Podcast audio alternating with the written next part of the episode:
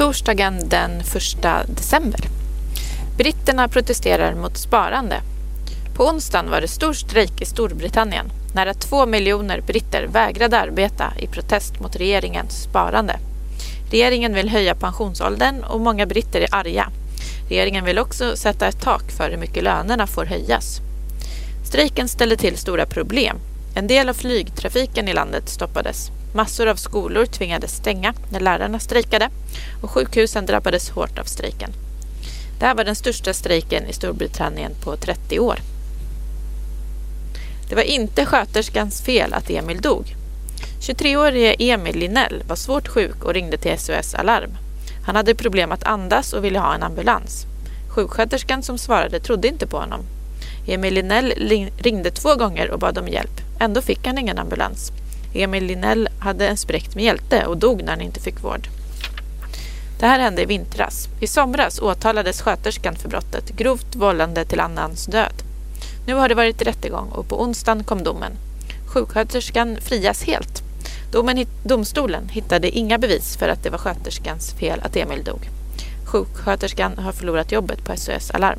8 sidor TT. Inget brott mot bunden kvinna. I tisdags hittades en 24-årig kvinna på motorvägen E4 utanför Uppsala. Hennes händer var bundna och hon hade munkavle. Kvinnan pratade inte svenska. Hon sa att hon kom från Mongoliet, men mer än så fick poliserna inte veta. Men dagen efter berättade kvinnan mer. Hon sa att hon inte blivit utsatt för något brott. Någon har hjälpt henne att bli bunden och lämnad på motorvägen. Kvinnan söker om lov att få stanna i Sverige. Troligen trodde hon att det skulle bli lättare att få stanna om det verkade som att hon blivit utsatt för något brott. Man gripen för knivdåd. En 17-årig elev på en gymnasieskola i Vallentuna norr om Stockholm blev överfallen och knivhuggen på onsdagen.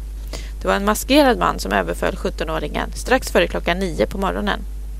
Killen med masken högg honom i ryggen med kniven, säger en elev på skolan. 17-åringen blev allvarligt skadad och fick åka ambulanshelikopter till sjukhus. En man har gripits av polisen. Mannen är misstänkt för överfallet på 17-åringen. Schweiz köper flygplan av Sverige. Landet Schweiz vill köpa den sven det svenska stridsflygplanet Gripen. Schweiz vill köpa 22 JAS Gripenplan. Det sa Schweiz försvarsminister Ueli Maurer på onsdagen. För de 22 flygplanen ska landet betala mer än 22 miljarder kronor. Schweiz är det sjätte landet som beställer Gripen från Sverige. Det blev stor glädje på flygföretaget Saab när nyheten kom. Men än är det inte helt säkert att affären blir av. Flera stora politiska partier i Schweiz är emot köpet av Gripen och vill stoppa det. Vi behöver inga stridsflygplan. Det är en överdriven lyx, säger Evu Alleman. Hon är socialdemokratisk försvarspolitiker i Schweiz. 8 sidor TT. Trist svensk start i skidskytte. Det blev en riktigt dålig start för de svenska skidskyttarna. Vinterns första tävling i världskuppen kördes i Östersund på onsdagskvällen. Svenskarna kom långt efter de bästa.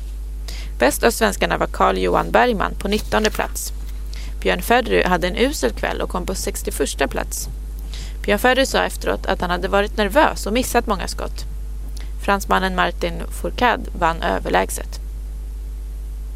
Äldre kvinna svalt ihjäl. En kvinna på ett äldreboende i Vänersborg har dött av svält. Kvinnan har inte fått i sig tillräckligt mycket näring.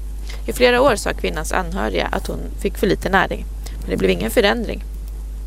Äldreboendet drivs av företaget Carema Care.